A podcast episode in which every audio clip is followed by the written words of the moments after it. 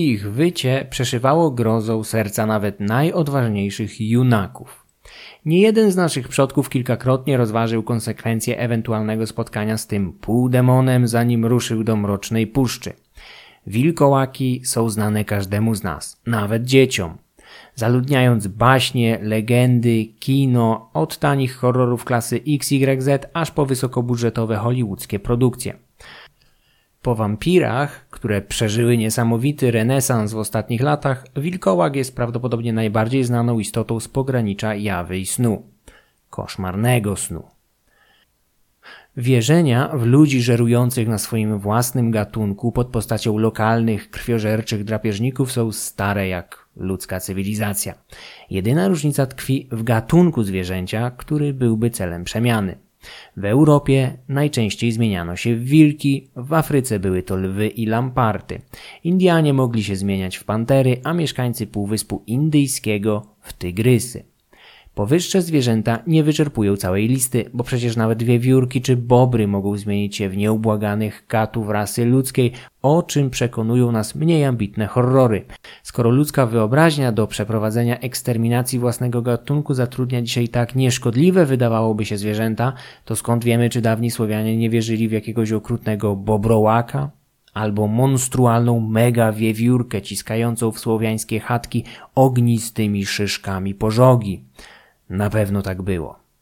Wracając jednak do meritum, czyli wilkołaków, zwanych w naszym regionie częściej wilkołkami, były one połączeniem natury człowieka i wilka. Sama nazwa wilkołak wywodzi się od połączenia słów wilk i dlaka, oznaczającego dawniej sierść. Znaczenie jest więc proste: wilcza sierść.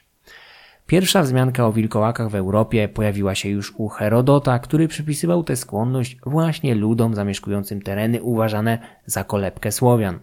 Później wilkołaki pojawiają się jeszcze w utworach Petroniusza, tego samego, który był bohaterem Quo Vadis, Sienkiewicza. W przypadku tej bestii nie da się więc odróżnić oryginalnych wierzeń przedchrześcijańskich Słowian od naleciałości importowanych z wszystkich części kontynentu.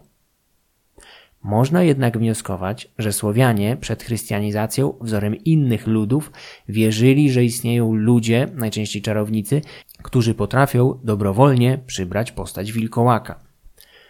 Z upływem lat wpływ chrześcijaństwa poszerzył te wierzenia. Wilkołakiem mogła się więc stać również osoba niewinna, zaczarowana w ten sposób przez mściwą wiedźmę lub czarownika. Również najgorsi grzesznicy mogli po śmierci zostać objęci boską klątwą.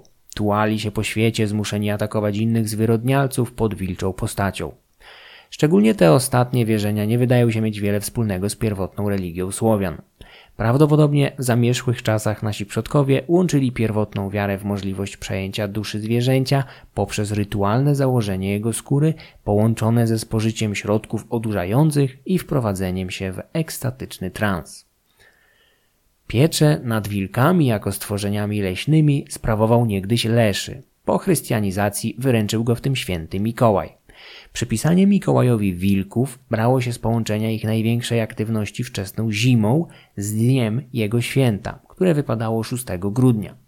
Wzmożona aktywność wilków w tym okresie, tuż przed świętami Bożego Narodzenia, zaowocowała wprowadzeniem wilka do orszaku kolędników.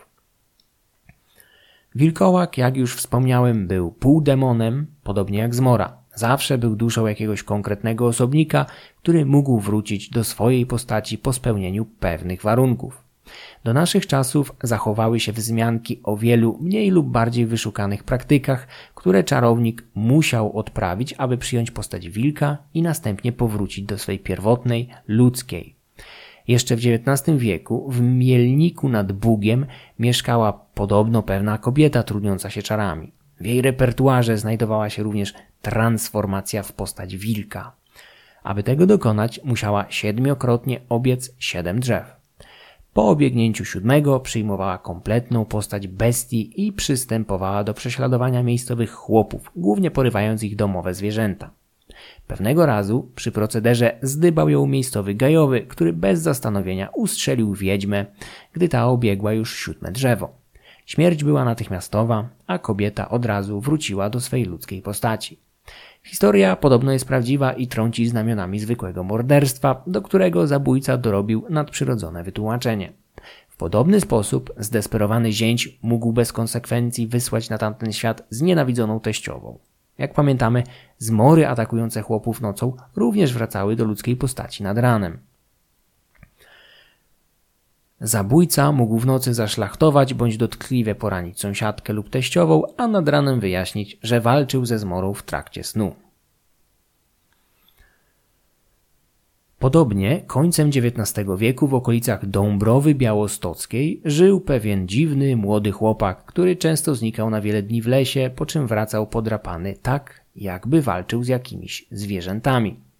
Podczas takiej nieobecności jeden z jego sąsiadów przegnał nocą wilka, próbującego porwać jego owce. Podczas walki gospodarz zranił zwierzę widłami w nogę. Młodzieniec miał jakoby wrócić następnego dnia utykając. Niedługo po tym zajściu zniknął ponownie, tym razem na zawsze. Także w tej sytuacji prawdopodobieństwo uśmiercenia podejrzanego o wilkołactwo chłopaka było bardzo duże. Historii tego typu jest sporo. Ostatni przypadek ataku dokonanego na rzekomym wilkołaku miał miejsce w 1901 roku we wsi Myscowa w powiecie krośnieńskim. Podczas wypasu owiec z miejscowego lasu wybiegł nagle wilk i porwał jedno ze zwierząt. Świadkowie zajścia, pasterze, natychmiast rzucili się na ratunek, ale nie zdążyli złapać napastnika. Wilk czmychnął z łupem w gęstwinę. Na drodze wściekłych pasterzy stanął jednak ni stąd ni zowąd miejscowy dziad proszalny, czyli żebrak. Iwan Karczmarczyk. Z miejsca został posądzony o wilkołactwo i brutalnie skatowany przez pastuchów. Od śmierci uratował go miejscowy żandarm, który zgłosił sprawę do sądu grodzkiego. W linczu oprócz pasterzy uczestniczył nawet miejscowy wójt. Wszyscy zostali skazani za ciężkie pobicie na zawrotnie surowe kary od 5 do 10 dni aresztu. Mamy dzisiaj skłonność do idealizowania życia naszych przodków, którzy mieli jakoby egzystować w spokojnych, małych społeczeństwach żyjących w zgodzie z naturą. Nic bardziej mylnego. Kiedyś natknąłem się na świetny zbiór esejów Lecha Jęczmyka pod tytułem Nowe Średniowiecze. W jednym z nich autor wspominał, jak na wsi polskiej jeszcze w XX wieku rozwiązywało się problem niedołężnych starców będących balastem dla rodziny. Mówimy o czasach, gdy renty i emerytury, nawet jeśli istniały, to były dostępne jedynie nielicznym, a utrzymanie starszych ludzi spoczywało na barkach rodziny. Taki zniedołężniały staruszek, nie mogący o siebie zadbać w pewnym momencie, w środku zimy był przez rodzinę przenoszony na noc do stodoły lub innej szopy. Na miejscu naturalnie zamarzał na śmierć. Po takiej orzeźwiającej wycieczce staruszka zabierano z powrotem do domu i gdy zwłoki nieco się nagrzały, publicznie oznajmiano zgon. Ligantropię, czyli inną nazwę wilkołactwa, tłumaczono na różne sposoby. Chyba najbardziej zaskakujące wyjaśnienie tej dolegliwości przedstawił Ludwik Krzywicki. Wyjaśniał wilkołactwo jako, cytuję, jedną z szat dziejowych przybranych w wiadomej epoce historycznej przez zboczenia epileptyczne natury krwiożerczo-erotycznej. Koniec cytatu.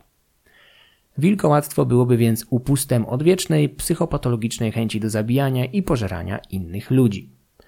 Krzywicki zauważył, że w społeczeństwach, w których ludożerstwo było akceptowane, nigdy nie pojawiły się wierzenia w istoty o charakterze łączącym ludzi i miejscowe drapieżniki.